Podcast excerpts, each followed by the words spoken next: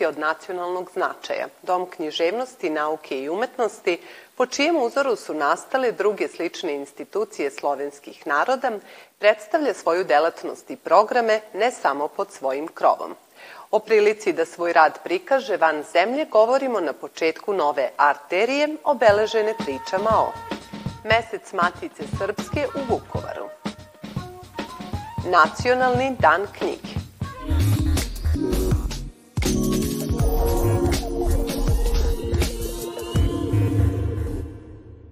Stup srpske kulture sa sedištem u Novom Sadu od osnivanja simbol građanskog društva visoke kulture, prosvetiteljstva i dobročinstva, koja je organizovala brojne značajne događaje, u martu će imati svoje predstavljanje u Hrvatskoj.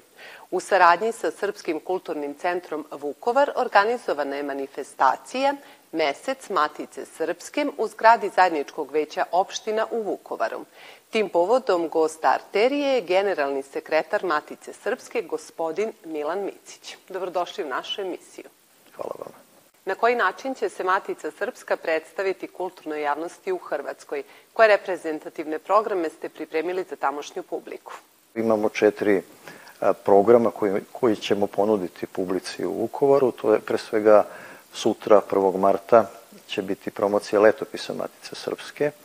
Letopis se približava svom rođendanu, 200 godina od nastanka letopisa koji je najstariji književni časopis na svetu koji prolazi, koji traje u kontinuitetu.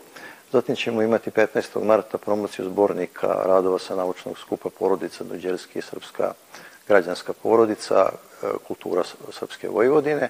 Imaćemo takođe 22. marta zbornik radova u Peteru Hankeu i 29. marta ćemo imati jedne predstavlja manifestacije Dani Miloša Crnjanskog. Znači, praktično u četiri programa publici u Srpskom kulturnom centru predstavljamo ono najbolje što Matica Srpska, Srpska ima, jer očigledno da postoji potreba za takvim sadržajima i u Srpskom kulturnom centru u Vukovaru. Takođe, ovde će 8. marta e, imati jedan program koji će predstaviti Srpski kulturni centar iz Vukovara, to je zbornik radova sa naučnog skupa o Prvom svetskom ratu, tako da se može reći da ćemo tu manifestaciju potpuniti sa pet programa, od kojih se četiri programa dešavaju u Vukovaru i jedan u Matici Srpskoj. Matica Srpska neguje mnoge kontakte sa kulturnim institucijama u zemlji i inostranstvu. Koje su veze sa kulturnim centrom iz Vukovara? Imamo potpisan protokol o saradnji sa Srpskim kulturnim centrom u Vukovaru i taj protokol o saradnji punimo sadržajima. Ovo je prva manifestacija Mesec Matice Srpske u Vukovaru i ta, očekujemo da ta manifestacija postane, postane tradicionalna. Inače, Matica Srpska pomaže Srpski kulturni centar u Vukovaru i knjigama, brošurama, publikacijama, sve ono što Matica Srpska proizvodi i sve ono što Matica Srpska pravi kroz svoju redovnu delatnost.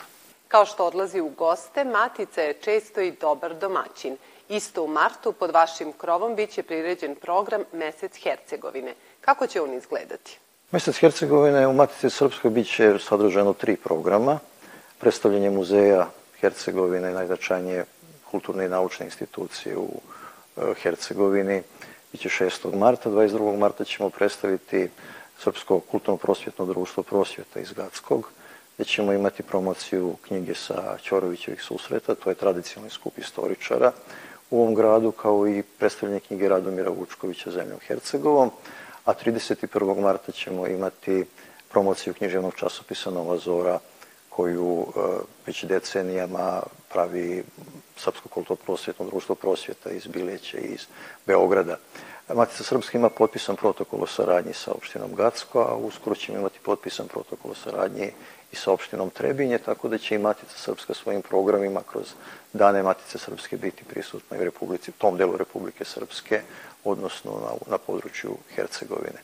To je u stvari jedan način da a, Matica Srpska istovremeno ponudi sadržaje, ali i da primi sadržaje i da kroz kontakte i kroz svoje programe koje ima sa različitim institucijama na srpskom kulturnom prostoru realizuje svoje programe u skladu sa svojim programskim ciljevima koji su utemeljeni pre 200 godina.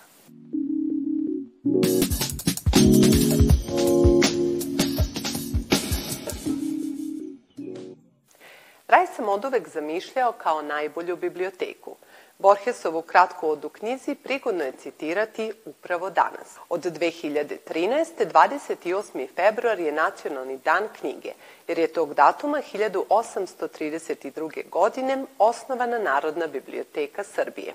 Obeležavanje rođendana naše najveće biblioteke prilika je da i druge biblioteke širom zemlje svoje članove i širu javnost iznova podstaknu na čitanje koje je najbolje učenje. Ovogodišnja laureatkinja, načelnica i odeljenja selektivne nabavke Narodne biblioteke, u koju je po prvi put ušla sa 27 godina. Ivana Nikolić, prema rečima žirija, već 35 godina posvećeno radi na unapređenju međunarodne saradnje i obogaćivanju fonda Narodne biblioteke. Biti bibliotekar za mene je značilo biti dobročinitelj, biti čovek visokih moralnih načela, Zgrada Narodne biblioteke ove godine navršava pola veka postojanja, a obeležava 191. godinu od osnivanja. Tokom prethodne godine Narodna biblioteka upisala je nešto više od 6000 korisnika, pružila više od 120.000 informativnih usluga, unapredila digitalnu platformu i uspostavila partnerstva na međunarodnom nivou. Ove godine smo u Narodnoj biblioteci Srbije osnovali Međunarodni centar knjige koji se bavi pre svega promocijom srpske literature u svetu. E, Narodna biblioteka Srbije je predstavljena u Srpskom kulturnom centru u Parizu. Posetili smo Nacionalnu biblioteku Francuske i razgovarali o mogućnosti da Srbija bude počasni gost sajma knjiga u Parizu 2024. Prisutnima se obratio i akademik Dušan Kovačević, evocirajući uspomene na jednu malu biblioteku u kojoj je prvi put upoznao velike pisce – U kulturnoj stanici Svilara održana je promocija romana Povratak prošlosti hodnicima vremena Nemanje Čonkića. U pitanju je autorov književni prvenac na kojem je radio nešto više od dve godine, a koji nam donosi spoj mistike, trilera, drame i fantastike. Zašto tako? Zato što sam i sam ovaj, e, ljubitelj uzbuđenja, intrige i nekako Uh, želeo sam da napišem roman koji će terati ljude da okreću stranicu za stranicom ovaj, i da tako reći uh, ne mogu da se odlepe od romana. Radnja započinje u Njujorku, gde se upoznajemo sa protagonistom Aleksom Ilikom, koji se nalazi na svojevrsnom raskršću u životu. U neočekivanim obrtima započinje njegova avantura koja ga odvodi u Hrvatsku. Upravo tu će sasvim neplanirano započeti sa stvaranjem novog doma i novog života ovaj roman se zove Porta pošto se hodnicima vremena. Zašto? E, zato što se glavnom liku, ajde tako najnastavnije da kažemo, prošlost vraća. Ovaj, on pokušava možda da, je, da manipuliše njom na određeni način, ali kroz knjigu ćete i sami zaključiti da li, prošlo, da li on manipuliše prošlošću ili prošlost manipuliše njime. Po nepisanom pravilu, najveći obrti i avanture u životu dogode se kada to najmanje očekujemo. Tako je i naš glavni junak u najturbulentnim trenucima započeo svoju samospoznaju, a na pitanje da li možemo da očekujemo nastavak romana, autor nam je naglasio da je ovo prvi deo od planirane trilogije, a da na nastavku, u kome će se između ostalog pojaviti i lik Nikole Tesle, već uveliko radi.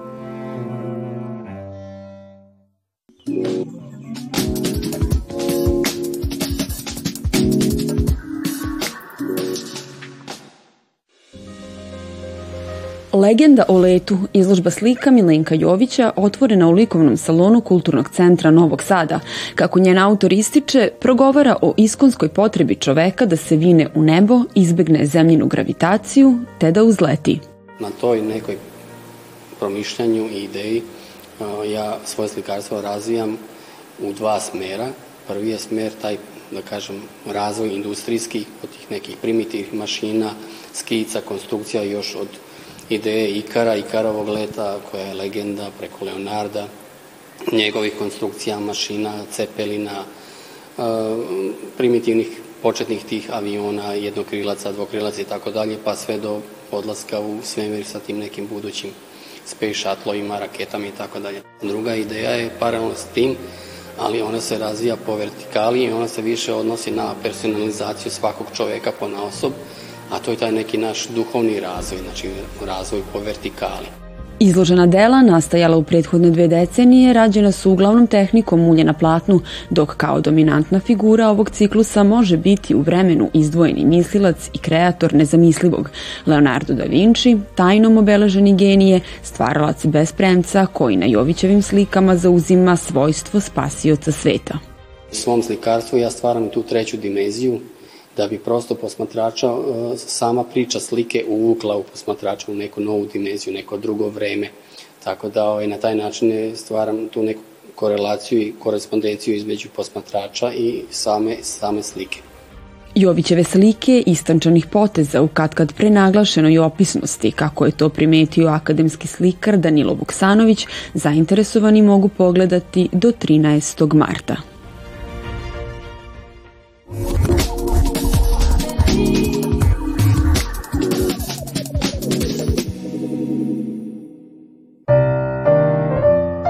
U izboru za najart u februaru izdvojila su se tri događaja. Februarska nagrada grada Novog Sada uručena svetskom, a našem violinisti Stefanu Milenkoviću za doprinos realizaciji projekta Novi Sad Evropska prestonica kulture, u okviru kojih je bio novi festival kamerne muzike Blisko, kao i za profesionalno ostvarenje kojima neguje klasičnu muziku i nadahnjuje mlade umetnike. Drugi predlog, 51. fest, kultna filmska manifestacija otvorena premijerom filma Zločin je moj i uručanjem nagrade Beogradski pobednik za izuzetan doprinos sedmoj umetnosti, reditelju Lordanu Zafranoviću i producentu Dobrivoju Tanasijeviću Tani. Treći događaj bio je kod kritike visoko ocenjen nastup jednog od najistaknutijih pijanista današnjice Kemala Gekića u sinagogi 19. februara. Uvek novi drugačiji, interpretirao je remek dela četvorice slavnih kompozitora Mozarta, Beethovena, Chopina i Prokofjeva, nagrađen dugim aplauzom publike istančanog ukusa. Ubedljivom većinom pobedio je predlog broj 2, neodoljivi fest sa uvek novim hitovima kinematografija sa raznih strana sveta.